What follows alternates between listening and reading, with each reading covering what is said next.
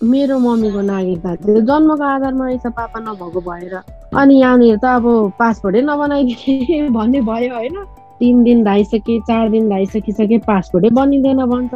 हुँदैन हुँदैन हुँदैन मात्रै भन्छ। यहाँको सबै ठुलो मान्छेहरूसँग बोले सबै कुराहरू गरे अह हुँदैन त। हुँदैनै भन्छ हो।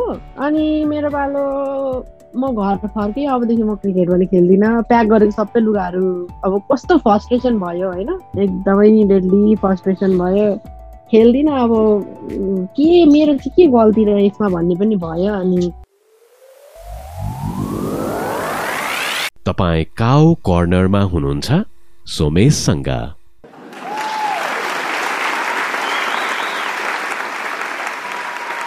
नेपाली टिमको लागि पहिलो पटक खेल्न जाने बेला पासपोर्ट बनाउने झमेलादेखि त्यही टुर्नामेन्टमा नेपालको लागि पहिलो ह्याट्रिक एकल महिलाले हुर्काएको छोरीदेखि एक्काइस वर्षको उमेरमा नेपाली क्रिकेट टिमको क्याप्टेनसम्म रुबिना छेत्रीको कथा सिनेमाभन्दा कम रोचक छैन। नेपाली महिला क्रिकेटको यात्रा त्यति पुरानो होइन र नेपाली महिला क्रिकेट टिमले आफ्नो पहिलो टुर्नामेन्ट बाहेक उल्लेखनीय सफलता हात पार्न सकेको पनि छैन। तैपनि नेपाली महिला टिमले वर्ल्ड कप खेल्ने सपना क्रिकेट प्रेमी र खेलाडीहरूमा मरेको पनि छैन। आज काउ कर्नरमा आफ्नो कथा र सपना लिएर रुबिना छेत्री।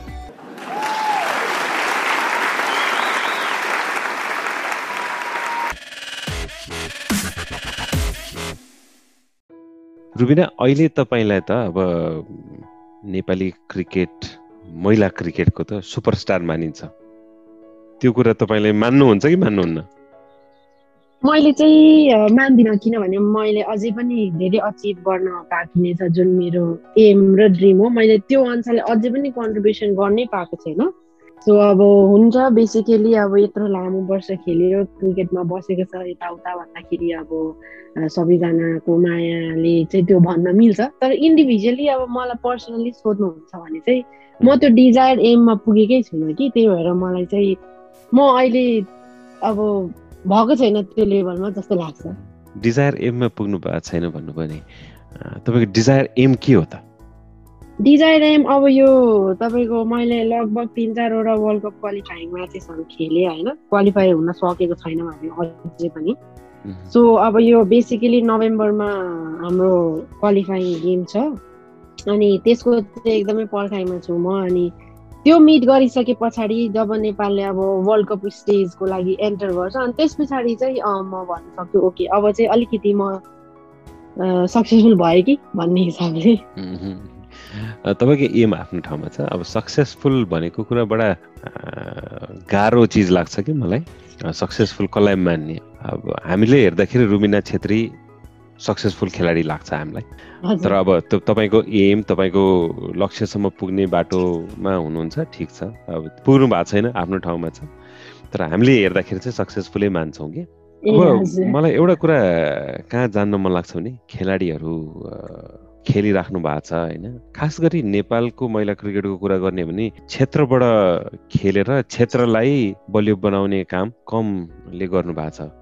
खास गरी अब पहिला क्रिकेटमा त डिपार्टमेन्टल टिम बलियो हो नि त।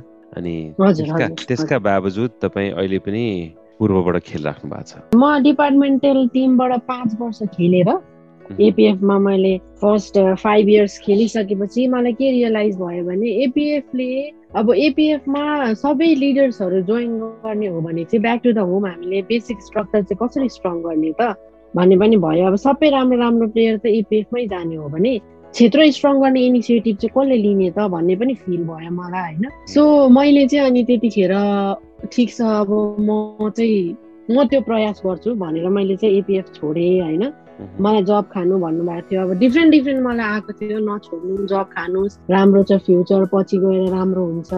सरकारी भनेको सरकारी हुन्छ। यस्तो के के के के धेरै कुरा थियो मनमा। घरबाट पनि अब नछोड अब फ्युचर त छ कमसेकम अहिले केही पनि छैन। त्यतिखेर क्रिकेटमा साँच्चै भन्नुपर्दा केही पनि थिएन मलाई क्रिकेटको लागि चाहिँ होइन। अब एपिएफले कन्ट्र्याक्टमा राखेको थियो हामीलाई फाइभ थाउजन्ड भए पनि त्यतिखेर हाम्रो लागि चाहिँ ठुलै नै थियो। जहाँ केही पनि थिएन अब आउनु भनेको ठुलै नै थियो। सो मैले चाहिँ त्यो अनुसारले फर्स्टमा एपिएफमा म छिरेँ। तर एपिएफ छिरिसके पछाडि मलाई के रियलाइज भयो भनेपछि अब क्षेत्र त कसले पनि स्ट्रङ गर्ने सबैजना एपिएफले नै टुर्नामेन्ट जितिहाल्छ भन्ने इन्टेन्सन्सले आउँदो रहेछन् कि? अरू टिम चाहिँ पार्टिसिपेट मात्रै गर्नु आउँदो रहेछन्। उनीहरूको लागि फाइनल पुग्नु नै ठुलो कुरा जित्छु त सोच्दै सोच्दैन रहेछ क्या? सो मैले चाहिँ त्यो रियलाइज गरेर अनि मैले चाहिँ सोचेँ होइन मेरो क्षेत्रमा केटीहरू राम्रो छ क्रिकेटको स्ट्रक्चर राम्रो छ। म गएर मिहिनेत गरेँ भने क्षेत्र स्ट्रङ गर्न सक्ने रहेछु भन्ने भयो। अनि हाम्रो एउटा पोर स्ट्रक्चर के छ भन्दाखेरि क्षेत्रले प्लेयर्सलाई प्रोटेक्ट नै गर्छ। त्यो बाध्यताले पनि प्लेयर्स चाहिँ एसोसिएट भएर जानुपर्छ होइन? अरू अरू arm police force army police खोज्नुपर्छ किनभने क्षेत्रलाई जो प्लेयरहरू छ कुन चाहिँ प्लेयरहरू हामीसँग छ भनेर रियलाइजेसन नै छैन क्षेत्रलाई। अहिलेसम्म हामी अब यहाँ एक नम्बर क्षेत्रको नौजना इन्टरनेसनल छौँ तर ना क्षेत्रको केही यसमा उयो छ एन्ट्री छ न केही पनि। केही पनि केही नै छैन भनौँ होइन। सो मेरो चाहिँ फर्स्ट इन्टेन्सन एपिएफबाट फर्किसके पछाडि मेरो एउटै मात्रै इन्टेन्सन के थियो भनेपछि यदि मैले एउटा क्षेत्रको टिम स्ट्रङ बनाउन सकेँ भने अरू क्षेत्रले पनि सोच्छ कि ओके हामी पनि गर्न सक्ने रहेछौँ। क्षेत्रले पनि चाह्यो भने गरेर यो एसोसिएट टिमहरूलाई चाहिँ कम्पिट गर्न सकिन्छ भन्ने कुराहरू चाहिँ त्यो ल्याउनु थियो फर्स्ट मेन्टेलिटी चाहिँ मलाई। सो यत्रो सालको मिहिनेत पछाडि अब यो चोटि चाहिँ पूर्वाञ्चलले एपिएफलाई कन् कम कम्पिट गर्न सक्छ सुदूरपश्चिमले एपिएफलाई कम्पिट गर्न सक्छ काठमाडौँले एपिएफलाई कम्पिट गर्न सक्छ। सो मलाई चाहिँ यही ट्रेन्ड ल्याउनु छ त्यही भएर मैले चाहिँ एपिएफ छोडेर पूर्व फर्केको थिएँ। गजब कुरा गर्नुभयो। प्राय खेलाडीले के गर्छन् भने एक त पहिला सबैभन्दा राम्रो खेल्नुपर्छ मैले र मैले पर्फर्म गर्नुपर्छ भन्ने हुन्छ होइन? सबैलाई नै हुन्छ। कमै खेलाडीलाई हुन्छ मैले चाहिँ म खेल्छु र साथसाथै म जहाँबाट आएको त्यहाँको टिम स्ट्रङ बनाउँछु र त्यहाँको स्ट्रक्चर सुधार्छु भन्ने कुरा। त्यो त्यो कहाँबाट आयो रियलाइजेसन? कसरी आयो? मलाई चाहिँ त्यो एपिएफबाट खेल्दाखेरि जति पनि टिम आउँछ कसैलाई जित्ने इन्टेन्सन नै छैन। एपिएफमा त रुबिना छ सीता छ करुणा छ निरा छ। यो बिग नेम्सले नै उनीहरूको त्यो मोटिभेसनलाई चाहिँ ओके हामी त्यहाँ त सबै भएभरको प्लेयरै त्यही छ हामी चाहिँ कसरी खेल्ने त? भन्ने एउटा फर्स्टमा उनीहरूको त्यो लो कन्सेप्ट हुँदो रहेछ होइन? सो मैले के सोचेँ भने एक त ठिकै पनि हो अब इफ सबै लिडर्स एउटैबाट खेल्छ भने त अरू स्टेट्समा चाहिँ हामीले कसरी चाहिँ त्यो क्रिकेट डेभलपमेन्ट गर्ने त? सो म पनि एउटा राम्रो लिडर भएको हुनाले म पनि राम्रै खोज्छु भने त मेरो पछाडिको बच्चाहरू जो आउँदैछ उनीहरूले चाहिँ के सोच्छ त भन्ने पनि भयो। फर्स्ट कन्सेप्ट त्यहाँ रियलाइजेसन भयो होइन? अनि प्लस अब जुन एउटा दबदबा क्रिएट भइरहेछ जहिले पनि एपिएफले नै जित्ने एपिएफले नै जित्ने एपिएफले नै जित्ने अनि धेरै वर्ष वेट गरे कसैलाई न कसैले त इनिसिएटिभ लिन्छ होला नि? कुनै न कुनै टिम त हामीलाई जित्छु भनेर पनि आउँछ होला नि? भनेर सोचेँ तर त्यस्तो कुनै पनि टिम मैले भेट्दै नै भेटिनँ होइन?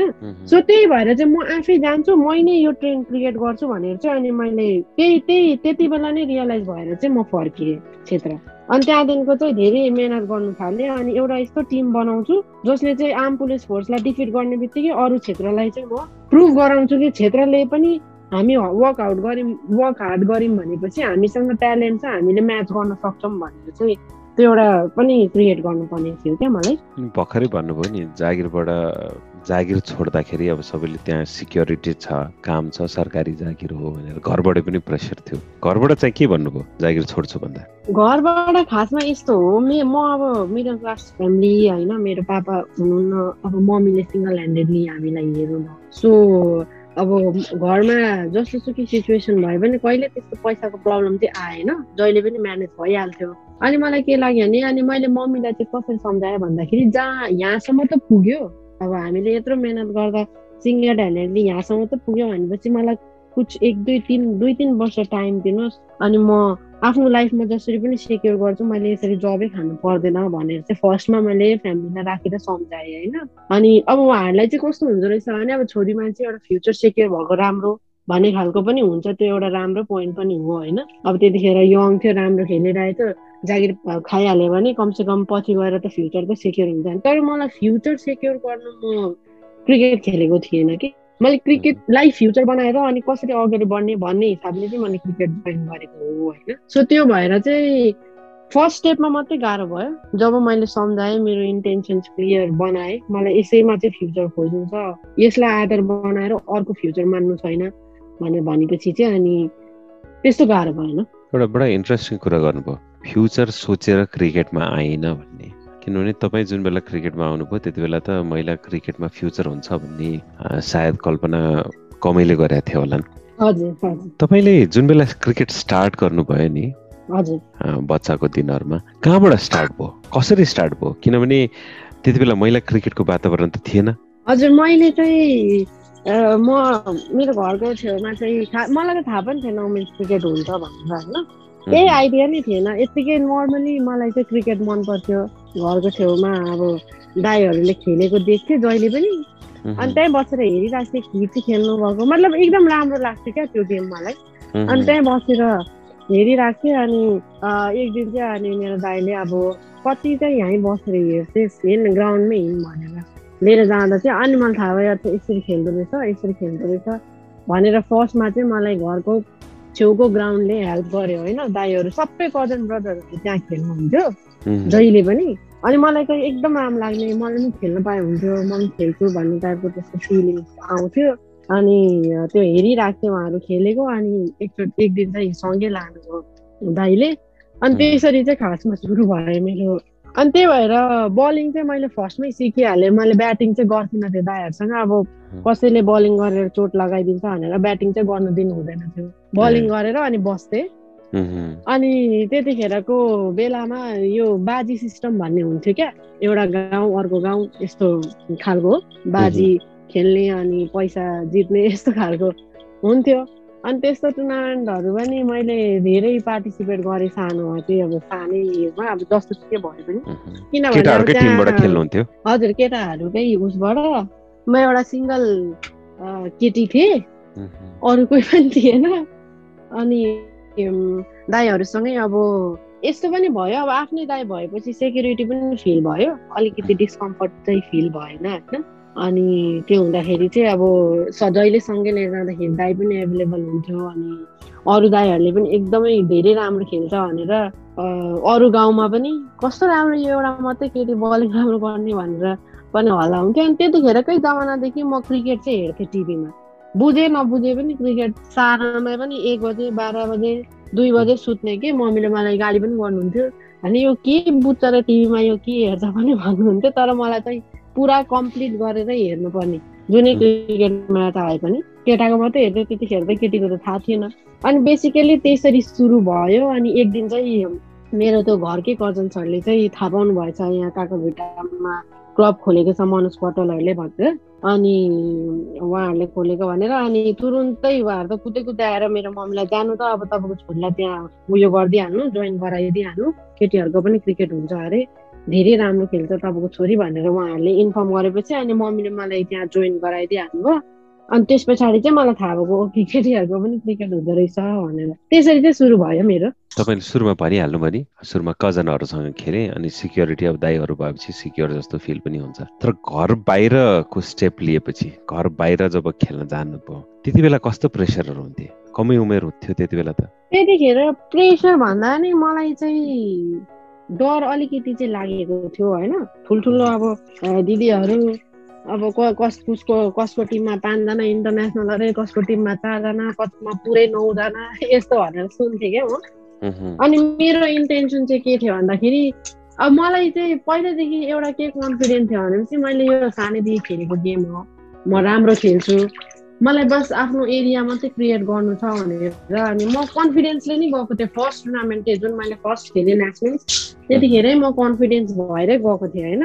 अनि हाम्रो फर्स्ट म्याच चाहिँ नेपालगञ्ज भन्ने टिमसँग पर्यो जो कि मेरी थापा त्यतिखेर क्याप्टन हुनु रहेछ अनि त्यो नेपालगञ्ज भयो चाहिँ नौजना इन्टरनेसनल रहेछ त्यतिखेर नेपाल टिममा अनि मैले त्यसलाई टिपिहालेँ। यो म्याचमा मैले यदि विकेट लिएँ भने अनि मेरो क्याम्पसम्मको बाटो चाहिँ सजिलो हुन्छ सेलेक्सनको बाटो भन्दाखेरि। अनि ठ्याक्क त्यही म्याचमा मैले छ विकेट पनि लिएँ। फर्स्ट म्याचै थियो हाम्रो अनि छ विकेट लिएपछि अनि त्यो मलाई खासै त्यस्तो अनकम्फर्टेबल प्रेसर चाहिँ कहिले पनि फिल भएन। किनभने सायद मेरो फिल्डै त्यही भएर होला मैले जहिले पनि इन्जोय गरेँ कि क्रिकेटको जुन पनि म्याच खेल्न जाँदा चाहिँ। रमाइलो लाग्छ मलाई। पहिलो म्याचमै छ विकेट लिए भन्नुभयो। याद छ कसको विकेट लिनु हजुर। याद त छैन किनभने त्यतिखेर त्यो नेसनल थियो। अब को को को को प्लेयरको त्यति खासै याद त छैन तर उनीहरू सबैजना चाहिँ नेपालबाट खेलेर आइसकेको प्लेयरहरू थियो थियो त्यतिखेर मैले आउट गरेको प्लेयरहरू त्यति मात्रै थाहा छ।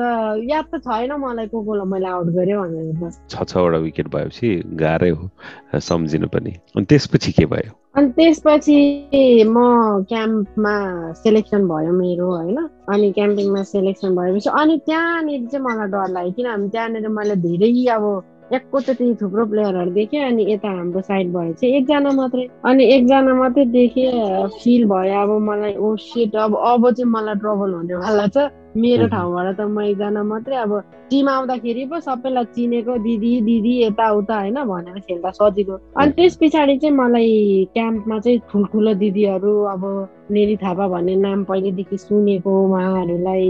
अनि एक दुईजना अ रितु भन्ने नामहरू सुनेको। हो त्यस्तो नामहरूसँग चाहिँ उहाँहरूले खेलेको देख्दाखेरि चाहिँ अनि मलाई एकदमै रमाइलो फिल भयो क्या। Okay so this is actually यो चाहिँ रियल वुमेन्स क्रिकेट रहेछ भन्ने कुराहरू मलाई त्यतिखेर रियलाइज भयो। अनि जब मैले नेटिङमा बलिङ गरेँ त्यतिखेर दिदीहरू आउनुभयो अनि मलाई धेरै राम्रो भन्नुभयो कि अरे कति राम्रो बलिङ गरेको भर्खरै तिमी यति सानो छौ यतिको स्पिड यतिको रनअप भनेर कन्फिडेन्स दिनुभयो। अनि बिस्तारै बिस्तारै चाहिँ त्यो इन्भाइरोमेन्टमा एडजस्ट हुन सकेँ म अनि त्यस पछाडि अर्को एउटा फेज मैले के पार गरेँ भन्दाखेरि अब पासपोर्ट बनाउनु पर्ने थियो। अनि हामीलाई घर जाने छुट्टी दियो पासपोर्ट बनाउनुको लागि। अनि हामी पासपोर्ट बनाउनुलाई घर फर्कि मेरो मम्मीको नागरिकता थियो। जन्मको आधारमा रहेछ पापा नभएको भएर। अनि यहाँनिर त अब पासपोर्टै नबनाइदिने भन्ने भयो होइन। तिन दिन धाइसके चार दिन धाइसकिसके पासपोर्टै बनिँदैन भन्छ। हुँदैन हुँदैन हुँदैन मात्रै भन्छ। यहाँको सबै ठुलो मान्छेहरूसँग बोले सबै कुराहरू गरे अह हुँदैन त। हुँदैनै भन्छ हो। अनि मेरो पालो म घर फर्केँ अबदेखि म क्रिकेट पनि खेल्दिनँ। प्याक गरेको सबै लुगाहरू अब कस्तो फर्स्ट्रेसन भयो होइन? एकदमै डेडली फर्स्ट्रेसन भयो। खेल्दिनँ अब के मेरो चाहिँ के गल्ती रह्यो यसमा भन्ने पनि भयो अनि भरे अनि सबै गिभअप गरेर बसिसके पछाडि चाहिँ अनि हाम्रो मे मेची क्रिकेट एकाडेमी जहाँ म प्र्याक्टिस गर्दै उहाँको प्रेसिडेन्ट र मनोज कटवाल घर आउनुभयो। अनि हिँडेको बिना एकचोटि चाहिँ काठमाडौँ जाम। डाइरेक्ट पर परराष्ट्र मन्त्रालय जाम। हामीले त्यहाँ हाम्रो सभासदलाई भनेको छौँ भन्नुभयो। अब मलाई त केही पनि होप थिएन। जिरो पर्सेन्ट पनि होप थिएन। त्यत्रो एक हप्ता मैले गरेँ तर बनेन हातमा पासपोर्ट होइन। अब त्यतिखेर क्रिकेट एसोसिएसनलाई पनि थ्याङ्क यू भन्छु म अब त्यत्रो वेट गरिदिनु भयो मेरो लागि। एक एक हप्ता नौ नौ दिन वेट गरेको हो होइन एउटा प्लेयरको लागि जो भर्खरै सोह्र सत्र वर्षको थियो पन्ध्र पन्ध्र चौध वर्षको थियो। अनि गए अनि गइसके पछाडि त फेरि उनीहरूले के सेटिङ मिलाए के गरेको नि एकैचोटि त्यही दिन पो पासपोर्ट बन्यो मेरो त। अनि मलाई चाहिँ त्यो एकदमै मेन्टल टर्चर भएर पनि मैले आफ्नो डेब्यु म्याच गरेको होइन? अब त्यति वर्षको उमेरमा। क्रिकेट खेल्छु भनेर हिँडेको मान्छे अब कस कसैको पनि फल्ट होइन नि त यो त। होइन अब मेरो मम्मीको जे भए पनि नागरिकता भइसके पछाडि अब जसरी भए पनि उनले नेपालबाट खेल्ने बनाइदिनु पर्ने हो मेरो विचारमा चाहिँ। कसैको पनि फल्ट होइन। ठिकै भन्नु व्यक्तिगत रूपमा कसैको पनि फल्ट होइन। अहिले पनि फर्केर हेर्दाखेरि नेपाली खेलाडी हो खेल्छु भनेर नेपालको लागि खेल्न तयार हुनुहुन्थ्यो। आमाको नाममा नागरिकता बन्न गाह्रो भयो। अहिले सोच्दाखेरि पनि त्यो कुरा सम्झिँदाखेरि रिस उठ्ने फ्रस्ट्रेसन हुने हुन्छ अझै पनि? मलाई यति हो अब यदि त्यो बेला मेरो कुनै पनि पासपोर्ट नागरिकता नबनेको भए आज अब एउटा राम्रो प्लेयर नेपालको लागि छुट थियो होइन? मेरो यत्रो डिटर्मिनेसन अब छुट थियो नि त जे भए पनि एउटा म्यानेज प्लेयर छुट थियो रहेछ कि। अब यसरी अहिलेसम्म पनि यस्तो किस्सा छ होइन अस्ति भर्खरै तपाईँको एक डेढ साल अगाडि अप्सरी बेगमको पनि यस्तै किस्सा भयो यही झापामा है। उसको पनि पासपोर्ट नबन्नेको हुनाले उसले एउटा टुरै मिस गर्नु पर्यो क्या। जबकि ऊ अहिलेको टाइममा एकदमै राम्रो प्लेयर छ। सो त्यसले फ्रस्ट्रेसन चाहिँ एकदमै दिन्छ किनभने हामी त अब कुनै फन इन्जोयमेन्टको लागि हामीले पासपोर्ट मागेको होइन नि त। हामीले त कन्ट्रीको लागि कन्ट्रिब्युट गर्नुको लागि we want to play for the country त्यो माथि अब राम्रो खेलेर सेलेक्ट भएको मान्छे हो नि त। होइन? कसैको सोर्स फोर्स लगाएको पनि होइन। सो त्यो हुँदाखेरि चाहिँ एक खालको मेन्टल फ्रस्ट्रेसन चाहिँ हुन्छ। म फर्केर आएपछि म त्यहाँ पनि गएँ होइन। सिडिओ कार्यालयमा पनि गएँ। अनि उहाँलाई भने पनि तपाईँहरू यस्तो गल्ती गर्नुहुन्छ। त्यही भएर तपाईँहरूले प्लेयर्सहरू मिस गर्नुहुन्छ। तपाईँहरू अरू मान्छे आयो भने तपाईँलाई पचास साठी हजार घुस दियो भने तपाईँहरू यत्तिकै नागरिकता बनाउनुहुन्छ पासपोर्ट बनाउनुहुन्छ होइन? हामीहरू प्लेयर जो चाहिँ अब स्मल ब्याकग्राउन्डबाट बिलङ गर्छु भन्ने बित्तिकै तपाईँहरूले यस्तो डोमिनेट गर्नुभयो। मेरो मम्मीलाई यत्रो धेरै दुःख दिनुभयो। आखिरमा पर्फर्मेन्स गर्ने प्लेयर नै रहेछु नि त म। तपाईँहरूले गरेको भए आज नेपाली त्यो भिक्टी पाउँदैन थियो होला रेकर्ड सेट गर्न पाउँदैन थियो होला। भनेर गएर एन्सर चाहिँ दिएँ मैले। उहाँहरूले के भन्नुभयो? उहाँहरू त अब के भन्नुहुन्छ? चुप्प लाग्नुभयो फोटो खिच्नुभयो त्यही त हो नि यहाँ नेपालको ट्रेन कोही आयो भने फोटो खिच्ने अनि नेपालको गहना गहना भनेर चाहिँ भन्ने तर गहनाको कसरी सजाउनु पर्ने त्यो चाहिँ कसैलाई पनि थाहा छैन कि यहाँ। प्रब्लमै त त्यही हो। गजब कुरा भन्नुभयो। गहना भन्ने तर गहनालाई कसरी सजाउने चाहिँ वास्ता छैन। तपाईँलाई पासपोर्ट दिन चाहिँ तयार हुनुहुन्थेन तर तपाईँसँग फोटो खिचाउन चाहिँ दङ्ग पर्नुभयो। हजुर त्यही त भन्छु त। मलाई अनि हाँस पनि उठ्यो होइन। It was a very bad struggle एउटा प्लेयर क्याम्पबाट फर्केको छ नागि पासपोर्ट बनाउनुको लागि। दिनदिनै चन्द्रगढी गएर उसको मोटिभेसन घटेको घटेछ घटेको घटेको छ। सिट मेरो पासपोर्ट बनिँदैन। अब म खेल्न सक्दिनँ म खेल्नु पाउँदिनँ। म के गर्ने होला? एकदमै mental I cried almost every second of that day के म त्यो डेजको फर्केर आउँदाखेरि हरेक अब मरिँदाखेरि मेरो मम्मीलाई कस्तो भयो होला? उहाँ त अब हामीहरू दुईजनाको लागि नै यत्रो धेरै स्ट्रगल गर्नुभएको होला। होइन फिल भयो होला। मैले पनि नानी त बनाउनु सकेको भए मेरो हस्बेन्डले यस्तो अब दुनियाँभरको भयो होला नि त नि so that is all because of their bad admin administration कि एउटा प्रपर एडमिनिस्ट्रेसन बनाउनु नसक्दाखेरि जस्ट बिकज मेरो पापाको नागरिकता थिएन। हि डाइड अब वाट टु डु होइन? He cannot make he died अनि त्यो हुँदाखेरि अब मेरो मम्मीले त आफ्नो तर्फबाट सक्ने नागरिकता त बनाउनु भयो। सो जन्मको ऊ पनि छ नाता प्रमाणित पनि भइसकेको छ। I don't know I think they need money which we didn't give होइन? सिम्पल सी कुरा हामीले दिएन। त्यो हुँदाखेरि पनि हुनसक्छ अब त्यो कुराहरू पनि। अब त्यतिखेरको बेलामा त्यत्रो आइडिया पनि भएन।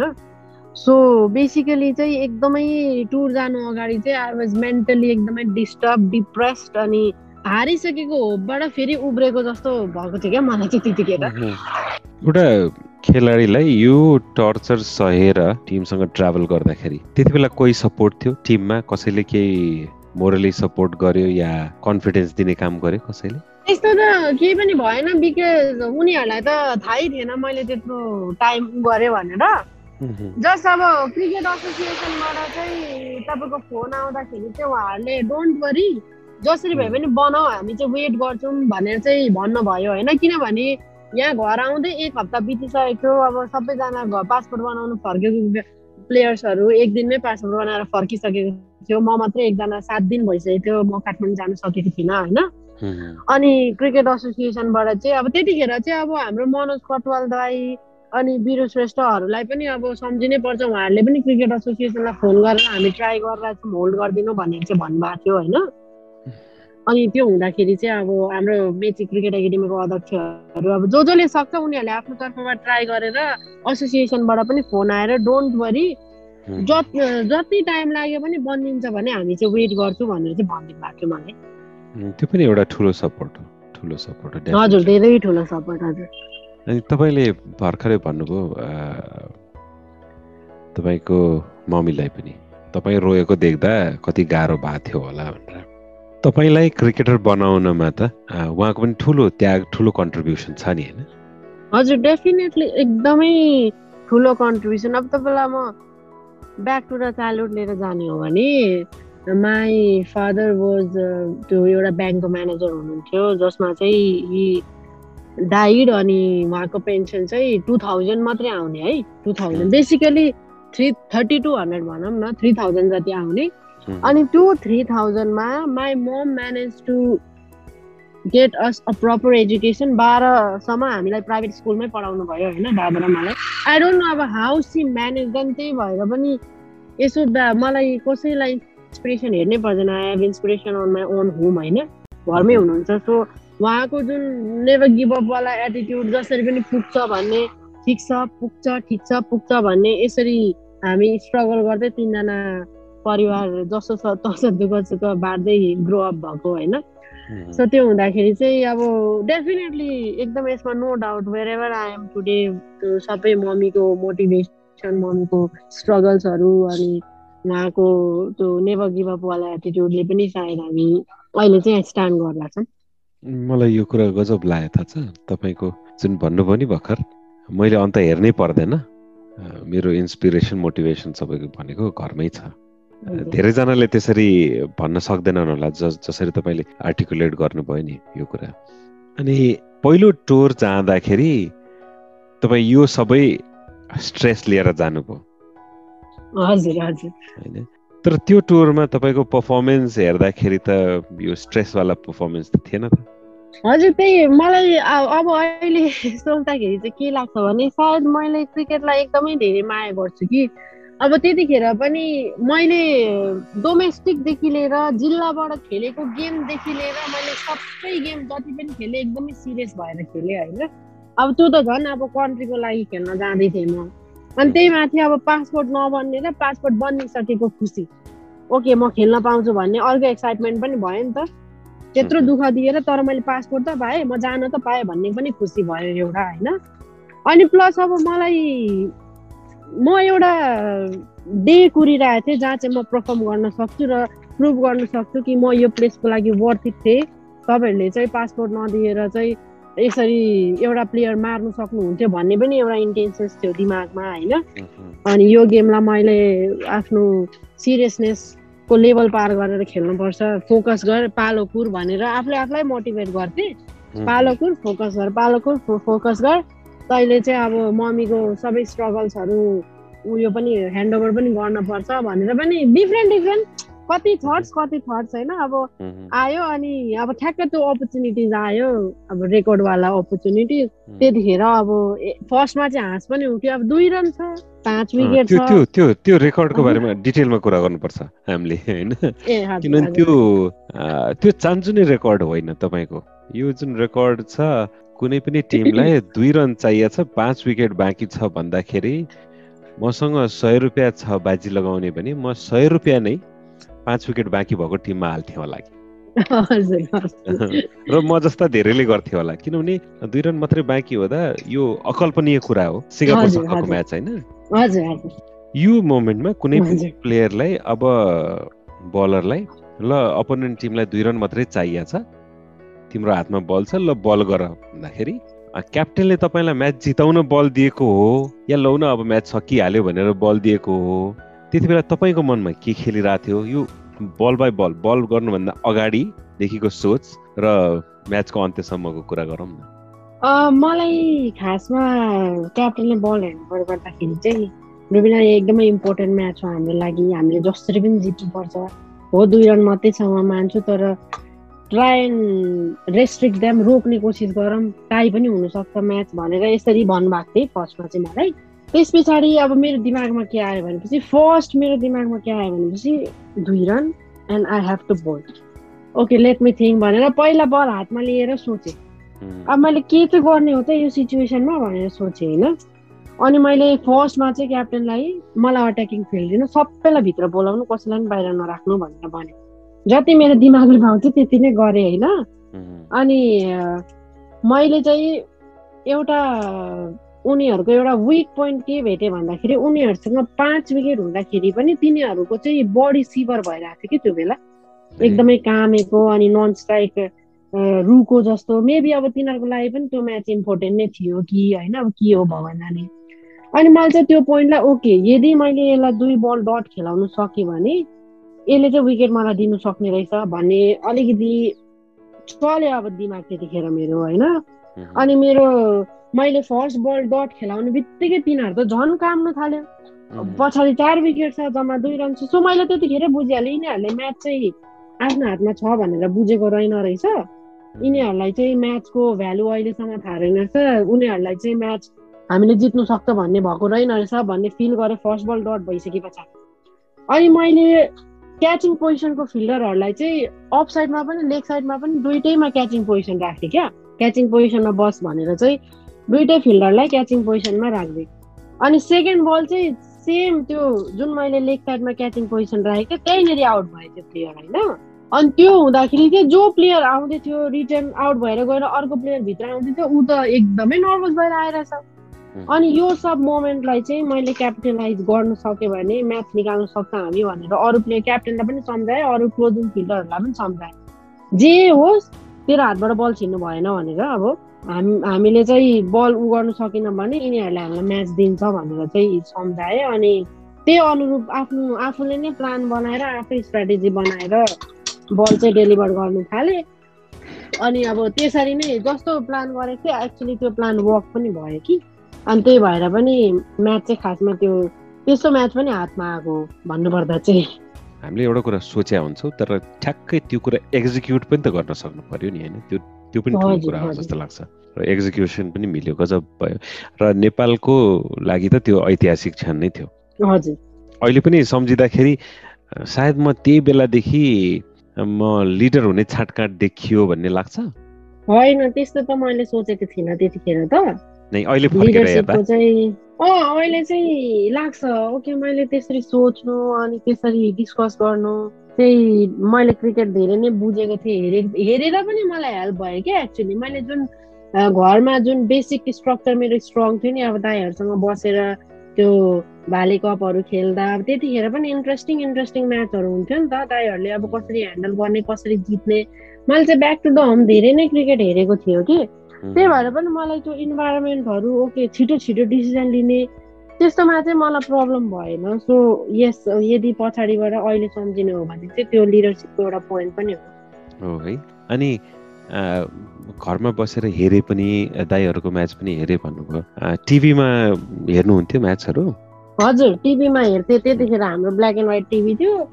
कसको म्याच बढी हेर्नुहुन्थ्यो? इन्डियाको हेर्थेँ धेरै। इन्डिया मात्रै चिन्थे। अनि इन्डिया इन्डिया इन्डिया इन्डिया अब होइन वर्ल्ड कप इन्डियामै हुने खोइ के के के के? त्यो टु थाउजन्ड फोर उयसमा एमएस धोनीले क्याप्टेन्सी गरेको बेला यो सबै चाहिँ मेरो लागि चाहिँ क्रिकेटको लाइफमा एकदमै टर्निङै हो मान्छु म चाहिँ मैले चाहिँ धेरै नै क्रिकेट हेर्थेँ धेरै नै काहीँ भन्दाखेरि अहिले पनि मलाई अलमोस्ट मेन्स टिम वुमेन्स टिमको म्याक्सिमम् एभ्री प्लेयर्सलाई म क्लोजली मैले नाम पनि याद आउँछ मलाई। अनि कस्तो खेल्छ के खेल्छ पनि मलाई थाहा हुन्छ क्या। अनि ती सुरुवात सुरुवाती दिनमा चाहिँ को मन पर्थ्यो? कोही हिरो थियो? म यो जस्तो हुन्छु या मलाई यो बडा मनपर्छ। अँ मलाई त त्यस्तो केही पनि त्यो हिरो टाइपको चाहिँ कोही पनि मलाई लाग्थेन त्यो। बस मलाई चाहिँ क्याप्टेन्सी चाहिँ एमएस धोनीको पर्सनालिटी अब जुन के भन्छ लिडिङ क्यापेसिटी अनि अब आउटसाइड द वर्ल्ड पनि कसरी ह्यान्डल गर्ने कस्तो तरिकाले बोल्ने कामने पेसेन्स यस्तो कुराहरू चाहिँ उहाँबाट चाहिँ मैले हेर्ने मौका पाएँ त्यतिखेर। अहिलेको वर्ल्डमा तपाईँलाई सबैभन्दा मनपर्ने खेलाडी को अहिलेको वर्ल्डमा त डेफिनेटली मलाई चाहिँ विराट कोहली नै मनपर्छ। किनभने गेम भन्दाखेरि पनि आउटसाइड वर्ल्ड उहाँले जुन फिटनेसको स्ट्रक्चर अहिले क्रिएट गर्नुभएको छ रिसेन्टली होइन? फिटनेस इज दिस भनेर। मलाई पनि लगभग अब यत्रो वर्ष क्रिकेट खेले पनि दुई तिन साल अगाडि मलाई चाहिँ फिटनेस के हो भन्ने त आइडिया पनि थिएन होइन? त्यतिखेर स्ट्रक्चर नै त्यस्तै थियो नेपालको। अब कोच गर्न आउनेहरूले पनि के अरे मतलब ब्याटिङ बलिङ गर्यो नेटिङ गर्यो इन्टरनेसनल खेल्न गयो यस्तो थियो नि त स्ट्रक्चर त्यतिखेर त पहिला। राइट अनि त्यो हुँदाखेरि चाहिँ सो विराट कोहलीको चाहिँ नेभर गिभ अप एटिट्युड अनि जुन फिटनेस र डाइटलाई उहाँले चाहिँ फोकस गरेर जुन गेममा हेल्प हुन्छ भनेर इम्प्लिमेन्ट गर्नुभएको छ होइन? त्यसको चाहिँ म फ्यान हो। अनि मैले मलाई पनि त्यसले चाहिँ धेरै हेल्प गर्यो। जबदेखि मलाई थाहा भयो ओके डाइट हुनुपर्छ। फिटनेस हुनुपर्छ भनेर थाहा भएपछि चाहिँ मेरो गेमले चाहिँ अर्कै रूप लियो क्या।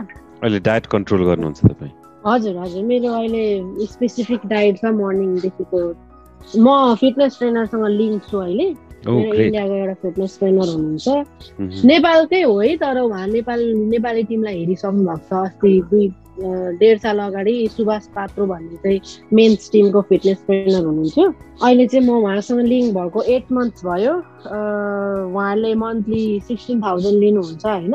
अहिले चाहिँ मेरो गेम अब उहाँसँग लिङ्क भएर किनभने हामी फिटनेस ट्रेनर त भन्छौँ तर फिटनेस ट्रेनरको पनि एउटा ऊ हुन्छ। तपाईँको कि क्रिकेट प्रोफेसनल फिटनेस ट्रेनर हो कि अब जिम ट्रेनर हो कि के ट्रेनर हो कि वी हेभ टु डिफ्रेन्सिएट कि। अनि उहाँ चाहिँ क्रिकेट प्रोफेसनल फिटनेस ट्रेनर हुनुहुन्छ त्यही भएर पनि मैले चाहिँ उहाँसँग अनि अहिले चाहिँ लिङ्क गरेर धेरै बेनिफिट्सहरू चाहिँ पाएको छु। भनेपछि तपाईँले कुन डायटको पार्टमा कुन खाना अभोइड गर्नुहुन्छ? मेरो अहिले चारवटा सेसन्स छ।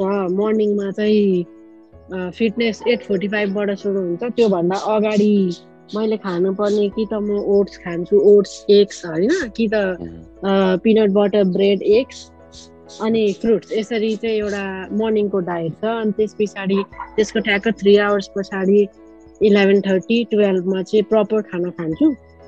अनि भेजिटेबल्स धेरै सलाद धेरै भएको खाना खान्छु होइन। राइस चाहिँ अलिक कम कन्ज्युम गरेर। अनि त्यस पछाडि ठ्याक्क फोर ओ क्लकमा चाहिँ एउटा सिम्पल स्न्याक्स बनेनाजहरू हुन्छ कि अब कर्डसँग मिक्स भएको फ्रुट्सहरू हुन्छ कि हो त्यस्तो। अनि आठ बजे चाहिँ म आठ साढे आठ बजे चाहिँ यही रोटी चिकन यसरी खान्छु। कुन खाना अभोइड गर्नुहुन्छ? अभोइड त अब यो चटपटी चिल्लो पानीपुरीहरू जो कि हामीलाई मन पर्थ्यो मलाई पनि कुनै जमानामा होइन। हो यस्तो चिजहरू चिल्लो त हामीले खाने नै भएन कोही कोही बेला त खान्छु म एउटा स्किप भएको दिन चाहिँ खान्छु होइन मोमोजहरू छोडेको त जमानै भइसकिसक्यो यो चाउमिन मोमोजहरू त कति भइसकिसक्यो ए मोमो पनि यस्तो यस्तो हजुर खाँदिनँ अनि आ म सिर्फ आँटा मात्रै खान्छु मैदा चाहिँ खाँदिनँ अहिले मैले एभोइड गरेको चिजहरू चाहिँ बेसिकली धेरै पनि होइन म चिल्लो खाँदिनँ मैदा भएको चिजहरू खाँदिनँ मोमो त छोड्न सकिन्न मैले ट्राई गरे पनि सक्दिनँ होला। चाहिँ होइन फर्स्ट फर्स्ट फर्स्ट त त्यस्तै लाग्थ्यो कि काठमाडौँ जाँदाखेरि बफ मोमो कति खाएँ चिकन पनि खाने। काठमाडौँमा त अब बफ मोमो र ससे ससेस त कति फेमस फेमस होइन। मान्छेले डिनरै नगरिकन बेलुका त्यही खाने। कोही कोही कतिचोटि त हामीले पनि त्यो बाहिरको ठेलामा बेचको अहिले चिज त कति खाएँ खाएँ होइन मैले पनि एक जमानामा त चार पाँच साल अगाडिको कुरा। आइडिया नहुँदाखेरि खाएँ थुप्रो खाएँ अनि पछि चाहिँ यो सबै चिजहरू चेन्ज भयो। अनि त्यसले फरक चाहिँ फिल हुँदो रहेछ डायट चेन्जले? हजुर तपाईँको डाइजेसनमा एकदमै हेल्प हुँदो रहेछ। स्ट्रेन्थ बढ्दो रहेछ कोर स्टेबिलिटी बढ्दो रहेछ होइन? लङ्सको क्यापेसिटी पनि डेभलप हुँदो रहेछ। जस्तो हामी अब फोर्टी मिनट्स जगिङ गर्छौँ फोर्टी फाइभ मिनट्स जगिङ गर्छौँ होइन? सो त्यो लङ जगिङमा लङ जगिङमा चाहिँ तपाईँको लङ्स क्यापेसिटी र यो ब्रेथिङको त्यो सासको क्यापेसिटीलाई चाहिँ कन्ट्रोल गर्दो रहेछ। मैले यो आठ महिनामा सिकेको चिजहरू होइन? अनि स्पेसली स्ट्रेन्थमा चाहिँ एकदमै धेरै हेल्प हुँदो रहेछ। अब यो कोर गर्दाखेरि स्टेबिलिटी जिउको त्यो कामनेसहरूमा चाहिँ हेल्प हुँदो रहेछ अनि माइन्ड एकदमै पोजिटिभ हुँदो रहेछ क्या? किनभने आफूलाई भित्र केही प्रब्लमै फिल नहुने हेल्दी फिल हुने अनि त्यो हुँदाखेरि चाहिँ अझ मोर कन्ट्रिब्युट गर्ने कन्फिडेन्स पनि आउँदो रहेछ। एउटा खेलाडीको डेली रुटिन के हुन्छ? तपाईँको डेली रुटिन नर्मल डेजमा अब कहिलेकाहीँ त छुट्टी हुँदा होला तर नर्मल डेजको रुटिन के हुन्छ? नर्मल डेको चाहिँ अब म बेसिकली ना एट फोर्टी फाइभमा मेरो फिटनेस सेसन म सात बजी उठ्छु। अनि सात बजे उठेर अनि फ्रेस फ्रेस भएर ब्रेकफास्ट एट सेभेन फोर्टी फाइभसम्म ब्रेकफास्ट गरिसक्छु आधी घन्टा टाइम राख्छु। अनि त्यस पछाडि आधी घन्टा टाइम राखिसकेपछि ठ्याक्क आठ पन्ध्रमा चाहिँ म आफ्नो स्ट्रेचिङहरू सुरु गर्छु। अनि मेरो फिटनेस सेसन लगभग nine thirty nine forty five कोही बेला दस पनि बज्छ। अनि यतिमा चाहिँ सकिन्छ फर्स्ट डे जगिङ र कोर स्ट्रेन्थको हुन्छ programme second day upper body हुन्छ थर्ड डे लोवर बडी हुन्छ त्यसरी हप्ताको सेड्युल छ मेरो। अनि त्यो सकिसके पछाडि म सिधै खाना बनाउनु पस्छु। अहिले है अहिलेको कुरा गर्दैछु। खाना बनाउनु पस्छु अनि खानासाना बनाइसके पछाडि अनि कन्ज्युम गरेर दिउँसोको टाइम चाहिँ क्रिकेट स्टडी गर्छु। अब म्याच लाइभ हेर्नु पाइनँ भने पनि हाइलाइट्स हेरेर चाहिँ सबैको हाइलाइट्स हेर्छु। अनि त्यो हुँदाखेरि चाहिँ अहिले डेमा चाहिँ क्रिकेट हेरेर अनि लगभग दुई तिन बजीसम्म त्यही म्याच हेरेर आफ्नो फिटनेसको सेड्युलहरू डायरीमा लेखेर अनि चार बजे चाहिँ खाजासाजा खाएर एकछिन वकमा जान्छु। अनि ठ्याक्क वक गरेर आइसके पछाडि अनि फेरि किचनमा छिर्छु अब डिनर बनाउँछु। अनि सुत्न चाहिँ अलिकति टाइम लाग्छ मलाई। त्यो भिडियो हेरेर टेन थर्टी इलेभेन हुन्छ। अनि त्यो हुँदाखेरि चाहिँ अब कोही कोही बेला यदि बेलुका म आठ घन्टा सुतेको छुइनँ भने चाहिँ दिउँसो पनि त्यसलाई कभर अप गरेर एक घन्टा डेढ घन्टाको मार्जिन राखेर जस ओभरअल आठ घन्टा चाहिँ पुगाएर अनि बनाउँछु त्यसरी। निकै डिसिप्लिन चाहिन्छ है खेलाडी बन्न। हजुर एकदमै एकदमै। अलिकति मैले अब यो मेरो रेगुलर सेसन चलिरहेछ इफ इन केस मैले आज चाहिँ मोमो खान्छु चाउमिन खान्छु भन्यो भने त्यो हप्ताको पुरै इन्डाइजेसन हुन्छ के एकदमै प्रब्लम हुने रहेछ। त्यही भएर चाहिँ अहिले चाहिँ एउटा लाइनमा हिँडिरहेछ भने त्यसैलाई कन्टिन्युटी गर्दा नै ठिक हुँदो रहेछ। रिग्रेट हुँदैन मैले यो कुरा मिस गरिरहेको छु भनेर। नै नै रिग्रेट त त्यो पहिला कुराले चाहिँ हुन्छ मैले त्यस्तो अनयुजल चिजहरू खाएँ भनेर। अब अहिले मैले यति फोकस गरेर खाएको भए त पहिले नै त्यो स्टेबिलिटीहरू गेन गरिसक्थ्यो होला भन्ने फिल हुन्छ मलाई आइडिया भएको भए कसैले नलेज दिएको भए मैले त्यो जो दुई तिन साल वेस्ट गरेँ त्यो हुन्थेन त्यो चाहिँ जस्तो फिल हुन्छ अघि हामी फेभरेट क्रिकेटरको कुरा गर्नु गर्दै थियौँ वुमेन्स क्रिकेटरमा कोही मनपर्ने छैन वुमेन्स क्रिकेटरमा मलाई definitely I will go to Harmanpreet Kaur अब लास्ट पर्फर्मेन्स जस्तै भए पनि उहाँको अब लिडिङ क्यापेसिटी अब मिथाली राज होइन इन्टरनेसनली हेर्ने हो भने हेडर नाइट्सहरू इङ्ल्यान्डको क्याप्टेनहरू मेग ल्यानिङहरू उहाँहरूलाई फलो गर्छु। मेन्स क्रिकेट र वुमेन्स क्रिकेटमा सबैभन्दा ठुलो डिफरेन्स के लाग्छ? डिफरेन्स त तपाईँको म्याचेसहरू नै हो प्रायोरिटी नै हो। किनभने मेन्स क्रिकेट इन्टरनेसनली नै हेर्ने हो भने ठुल्ठुलो कन्ट्रिजमा पनि वुमेन्स क्रिकेटको अहिले भर्खरै अलिकति राइज हुँदैछ होइन? अनि अब मेन्सहरूको क्यालेन्डर एकदम हेभी हुने वुमेन्सहरूको क्यालेन्डरै नहुने त्यस्तो चाहिँ मैले पाएँ। तर अहिले चाहिँ अब जसरी अब इन्डिया ले मेन्स र वुमेन्स दुवैजनालाई सेड्युल बनायो इङ्ल्यान्डले बनायो होइन उनीहरूको अहिले कस्तो बिजी मन्थ छ। अब त्यसरी चाहिँ जेनरली डेभलप होला। म्याचेस एक्सपोजरमा नै प्रब्लम हो। अब अल ओभर द वर्ल्ड जति मेन्सले लिग्सहरू खेल्छ होइन उनीहरूले आफ्नो कन्ट्रीबाट त त्यति कमाउने नै होइन। उनीहरू त बाहिरको लिग्स एडभर्टाइजमेन्टले नै इन्कम हुन्छ नि त। एक्ज्याक्टली त्यो चाहिँ वुमेन्समा अलिकति प्रब्लम छ। त्यो चाहिँ इन्टरनेसनली नै नेपालको कन्ट्याक्समा मात्रै हेर्ने होइन। सबै कन्ट्याक्समा हेर्ने हुँदाखेरि चाहिँ उहाँहरूको चाहिँ त्यो डिफरेन्स पाउँछु म। बाहिरको लिगको कुरा गर्नुभयो। तपाईँ बिग ब्यास लिगमा पनि त जानुभएको थियो। त्यो एक्सपिरियन्स कस्तो थियो? कसरी जानुभयो? उनीहरूले बोलाएर कि के भएर? होइन यस्तो थियो त्यतिखेर बिग ब्यासमा चाहिँ आइसिसीले हरेक वर्ष एसोसिएटको एक एकवटा मेम्बर पठाउने भनेर चाहिँ कुरा गरेको हुनुहुँदो रहेछ होइन? हजुर।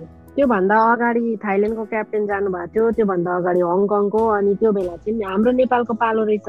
अनि नेपालबाट चाहिँ अब सिधै मलाई रिकमेन्ड गर्नुभएको रहेछ होइन एसोसिएसनले पनि आइसिसीले पनि। त्यो हुँदाखेरि चाहिँ अब मेरो लागि चाहिँ त्यो किन बेनिफिसियल भयो भन्दाखेरि म चाहिँ एज अ क्याप्टेन गएको थिएँ। एज अ क्याप्टेन जाँदाखेरि अब पन्ध्र दिनको अब वर्ल्ड वाइड प्लेयरहरूसँगको प्रोग्राम जो कि मेरो लागि त एकदमै ठुलो प्रोग्राम भइहाल्यो। अब मलाई म एकदमै यङ थिएँ अलिकति अब ट्वेन्टी वानमै मैले क्याप्टेन्सी पाएँ सिनियरहरूसँगै अब अलिकति मलाई अझै ग्रो हुन बाँकी नै थियो। अनि त्यतिखेर मेरो टिममा चाहिँ डेनियल वाइट रेचेल प्रेस्टहरू हुनुहुन्थ्यो क्या नेम्ड प्लेयरहरू सो उहाँहरूले चाहिँ मलाई एकदमै राम्रो बिहेभ गर्नुभयो। मेबी अब म मेरो डिसिप्लिनहरू उहाँहरूलाई मन पनि पर्यो होला। अनि म जहिले पनि उहाँहरूलाई क्वेसन गरेको गरे गर्थेँ कि उहाँहरूलाई बलिङ गर्दाखेरि पनि फिल्ड सेटअप दिएरै अब उहाँहरूले सिकाउनुहुन्थ्यो। पहिला फिल्ड सेटअप भन्ने अनि जहिले बलिङ गर्ने भनेर होइन? अनि त्यसरी अनि अनि म्याच सिचुएसनको बेला अब कोही कोही बेला लो स्कोरिङ म्याच हुने कोही कोही बेला हाई स्कोरिङ म्याच हुने।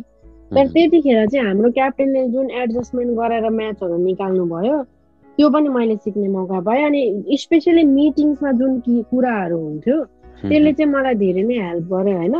अनि मैले त्यहाँनिर लिडरसिप पनि ग्रो गर्ने अपर्च्युनिटिज पाएँ। मैले त्यहाँनिर अब इन्टरनेसनल क्रिकेट चाहिँ कतिको लेभलमा रहेछ वुमेन्सको भन्ने देख्न पनि पाएँ होइन? हामी कहाँ छौँ उनीहरू कहाँ छ भनेर डिफ्रेन्सिएटको उयो पनि गर्न पाएँ र हामीले कतिको आफूलाई डेभलपमेन्टको लागि अझै कति गर्न बाँकी रहेछ भन्ने कुराहरू पनि सिकेँ क्या। सो त्यो हुँदाखेरि चाहिँ मेरो लागि चाहिँ बहुत हेल्पफुल भयो त्यो टुर चाहिँ। त्यहाँको खेलाडी अब इन्टरनेसनल स्टार्सहरूसँग खेल्न पाउनुभयो। उनीहरूको र हाम्रो खेलाडीहरूको थट प्रोसेसमा के डिफरेन्स हुँदो रहेछ त? थर्ड प्रोसेसमा त तपाईँको धेरै नै डिफ्रेन्स हुन्छ किनभने त्यतिखेर म जब गएको थिएँ म आफू नै धेरै यङ थिएँ मेरो टिम त यङ थिएँ होइन। म भर्खरै त क्याप्टेन्सी पाएर टु थाउजन्ड टुवेल्भमा क्याप्टेन्सी लिएर अनि भर्खरै त्यो मेरो फर्स्ट इन्टरनेसनल टुर थियो के अस्ति अब बाहिर उसमा होइन? लिङ्कमा अनि धेरै डिफ्रेन्स ल्याउँदो रहेछ। अब अरू प्लेयर्सहरू हाम्रोमा भएको प्लेयर्सहरू सबै यङ भर्खरै सिक्दै गरेको होइन? नेपालमा भर्खरै क्रिकेट सुरु भएको। अनि त्यो हुँदाखेरि चाहिँ इट वाज भेरी डिफिकल्ट त्यो डेजमा चाहिँ मलाई जहाँसम्म लाग्यो बिकज जुन मैले इन्टरनेसनल स्ट्यान्डर्डको क्रिकेट देखेर आएँ अब फर्केर आउँदा त हामी त कहीँ पनि थिएन नि त। वी वर नो वेयर कि। अनि त्यो सबै ग्रो गरेर यस्तो उस्तो भनेर गराउनमा पनि अलिकति टाइम लागेको हो। अनि प्लस हाम्रो म्यानेजमेन्टले त्यो किसिमको त वुमेन्स क्रिकेटलाई त त्यतिखेर त भ्यालु नै थिएन नि। अनि तपाईँ पछि पछि होइन त्योभन्दा अगाडि नै हो क्या श्रीलङ्का गएर खेल्नु भएको होइन? म त्योभन्दा अगाडि मलाई पनि एक्ज्याक्ट याद भएन श्रीलङ्का त्योभन्दा अगाडि नै हुनुपर्छ। बिग ब्यास भन्दा अगाडि? हजुर। हुनसक्छ। हजुर हजुर। अँ हो एक महिना गएर आएको हो। श्रीलङ्कामा कस्तो थियो? त्यहाँको त्यहाँको वुमेन्स क्रिकेटको अवस्था र हाम्रो कम्पेयर गर्न मिल्ने छ कि उनीहरू हामीभन्दा बलियो छन् श्रीलङ्कामा चाहिँ मलाई त त्यस्तो खासै स्ट्रङ लागेन। वुमेन्सको लागि। त्यो लेभल एउटै एउटै जस्तो लाग्यो। अलिकति अब उनीहरू टेस्ट प्लेइङ नेसन भएर अलिकति स्ट्यान्डर्ड त देखिहालिन्छ होइन? तर थाइल्यान्डबाट दुईजना नेपालबाट दुईजना पठाएको थियो आइसिसीले त्यो प्रोग्रामको लागि होइन? एउटा टिमबाट खेल्नुको लागि। त्यतिखेरको बेलामा चाहिँ मैले त्यस्तो खासै डिफ्रेन्ट अहिले पनि मलाई यदि हामीले राम्रोसँग प्र्याक्टिस गर्ने भने हामीले चाहिँ श्रीलङ्का बङ्गलादेश होइन? अनि यो के अरे आइल्यान्डहरू जस्तो टिमलाई चाहिँ हामी बिट गर्न सक्छ क्या? अहिले पनि अब चाहिँ हामीसँग त्यो लेभल बनिसकेको छ क्या? अब क्रिकेट एसोसिएसनले त्यसलाई कसरी क्रिकेटर्सहरूलाई कसरी ग्रो गर्ने र वुमेन्स क्रिकेटको लागि कस्तो प्रोग्राम बनाउने भन्ने हिसाबले हुन्छ। किनभने हामीसँग मात्रै विश्वास भएर हुँदैन कि? त्यो विश्वासलाई चाहिँ पर्फर्मेन्समा कन्भर्ट गर्नुको लागि चाहिँ म्याच प्र्याक्टिस एकदमै जरुरी हुन्छ क्या? इन्टरनेसनल एक्सपोजर चाहिँ धेरै नै जरुरी हुन्छ। अब त्यो नभइन्जेलसम्म वी क्यानट से क्या अहिले पनि। किनभने स्किल वाइज हेर्ने हो भने त हामी बाह्र वर्षदेखि त्यही बेसिक ट्रेनिङ गरिरहेको छौँ भनेपछि त we have lots of skill होइन तर जबसम्म पिचमा गएर पचास रन हान्दैन साठी रन हान्दैन उसलाई कस्तो ठाउँ छ त उसले कस्तो ब्याटिङ गर्छ भनेर? त्यो त्यो कुराको कमी छ क्या अहिले हाम्रोमा। अब नेपाली क्रिकेट एडमिनिस्ट्रेटरहरूले वुमेन्स क्रिकेटलाई प्रायोरिटीमा राख्दैनन् होइन? हजुर अब अहिले चाहिँ वी क्यान थ्याङ्क देम किनभने अहिलेको जुन क्रिकेट एसोसिएसन आउनु भएको छ आउने बित्तिकै अब वुमेन्स क्रिकेटरलाई पनि स्यालेरीमा उहाँहरूले गर्नुभयो होइन? सेलेरीको प्रोग्राम्सहरू ल्याउनु भयो। अनि अहिले जुन यो केटाहरूको ट्राई भएको छ नेपालमा हाम्रो पनि उत्तराखण्डसँग हुने केटाहरूको सकिने बित्तिकै हुनेवाला थियो। अनफर्चुनेटली कोभिडले चाहिँ त्यो बिगार्दै हाम्रो होइन। अब अहिले यो नोभेम्बरको क्याम्पको लागि पनि उहाँहरू सुरु भइसक्नु भएको छ। अब यो कता कता टुवर्स गराउने कुराहरू भएर त्यसो अहिले चाहिँ we cannot say management is not looking अहिलेको management is doing great job for women's cricket होइन? तर यही कुरा तिन चार साल अगाडि भइदिएको भए यत्रो लामो कुर्नु पर्दैन थियो भन्ने चाहिँ मेरो कुरा हो क्या। हामीले तपाईँको एमको बारेमा त पहिल्यै कुरा गरिसक्यौँ त्यही भएर अब एम सोधिराख्नु आवश्यक भएन। अहिले हेर्दाखेरि रुबिना छेत्रीले कति वर्ष क्रिकेट खेल्ला? रियलिस्टिकली तपाईँको ड्रिम आफ्नो ठाउँमा होला। तपाईँको प्लेइङ करियर छँदा छँदै कहाँसम्म पुग्छ होला नेपाली क्रिकेट? म चाहिँ अब अहिलेको हाम्रो प्लान प्रोसिडियरको हिसाबले we are planning hard to qualify this year होइन? जसरी अब गर्ल्सहरूसँग कोअर्डिनेट भइरहेछ उनीहरूले हार्ड वर्क गरिरहेछ यो सबै प्लानिङ प्रोसिडियर पहिला थिएन कि हामीमा ल्याकिङ थियो। सो अबको यो वान इयर हाफ वान इयरमा चाहिँ यो अहिलेको क्वालिफायरमा चाहिँ हामी क्वालिफाई गर्छौँ। We are doing lots of things for that होइन? क्रिकेट एसोसिएसनको प्रतीक्षा गर्नुभन्दा पनि आफै कसरी गर्न सकिन्छ भन्ने हिसाबले पनि हामी हार्डवर्क गरिरहेको छौँ। त्यसमा अहिले काम गरिरहेको छु। सो लेट्स होप कि मैले चाहिँ नछोडिन्जेल Nepal will play world cup let's hope so तपाईँको टिममा सबैभन्दा बढी कुरा मिल्ने को हुन्छ? कोसँग सबैभन्दा बढी कुरा मिल्छ? त्यस्तो त पर्सनली क्लोज त म कोहीसँग पनि छैन। Everyone is equal to me तर सिनियर प्लेयर्सहरूसँग चाहिँ अलिक धेरै कुरा मिल्छ। किनभने हामीले खेलेको धेरै लामो इयर पनि भयो होइन। उनीहरूको मेरो एम भनेको एउटै हो म बिङ एज अ लिडर चाहिँ एम गर्छु उनीहरूको पनि त्यही एम हो होइन सो त्यसमा चाहिँ हामी सबैजनाको कुरा मिल्छ गफ गर्छौँ अब हामीसँग यो यो टुर्नामेन्ट हाम्रो लागि इम्पोर्टेन्ट हो भनेर चाहिँ कुरा हुन्छ भने चाहिँ टिमको बारेमा छलफल हुन्छ? पर्सनली क्लोज हुनुहुन्न कसैसँग एभ्री वान सुड नो कि we are on a mission right now होइन? जसमा चाहिँ everyone knows how hard we are working on that अब धेरै कुराहरूको स्ट्रगलको बावजुद पनि we know what we are doing अनि how we are capable of qualifying that tournament अनि त्यसको लागि अब अहिले हामीसँग बोल्ने ताकत पनि छ हामीलाई आइडिया पनि छ होइन? कसरी जाने कसरी कोअर्डिनेट गर्ने कोसँग कोअर्डिनेट गर्ने भन्ने कुराहरू सबै आइडिया भइसकेको छ। ब्याक टु द होम कसैको लागि पनि अहिले वुमेन्स क्रिकेटर कसैको लागि पनि लकडाउन छैन। Everyone is working everyone is working so त्यो हुँदाखेरि चाहिँ लेट्स प्रे अनि लेट्स होप सबैजनाले होइन कि वुमेन्स क्रिकेटरहरूलाई पनि त्यो सपोर्ट र त्यो फ्यान्टेजिमको जरुरी छ जसले चाहिँ हामीलाई मोरल सपोर्ट हुन्छ। लाइक टुवेल्भ थर्टिन मेम्बर हो भन्छ नि हामीहरू फ्यान्सहरू हाम्रो। सो त्यो हुँदाखेरि चाहिँ we would love to say कि everyone should be there till we qualify होइन? जति हामी लागि परेछौँ तपाईँहरूको पनि त्यति नै इम्पोर्टेन्स हुन्छ। अनि बा बाँकी त अब जसरी मिडियाजहरू अब तपाईँहरू जस्तो मान्छेहरूले हामीसँग अब यसरी बोल्दाखेरि हामीहरूको कुराहरू पुग्दाखेरि चाहिँ अनि एउटा सेटिस्फ्याक्सन फिल हुन्छ ठाउँमा कुरा पुगिरहेछ भन्ने चाहिँ फिल हुन्छ क्या मलाई। सबैजनासँग चाहिँ त्यही रिक्वेस्ट गर्छु कि हामीको एउटा इन्टेन्सन छ हामी सबैजनाको। सबैजना मिलेर गरौँ। डेफिनेटली अब आउँछ definitely as as a fan we will be with you supporting you on on every step of the way for sure हजुर यति भनेपछि अब हामीलाई चाहिँ यतिकै पनि मोबाइल बुस्टअप हुन्छ कि हामी त त्यहाँ छौँ सपोर्टको लागि चेयर गर्नको लागि हाम्रो सपोर्ट त सधैँ छ Rubina thank you so much thank you very much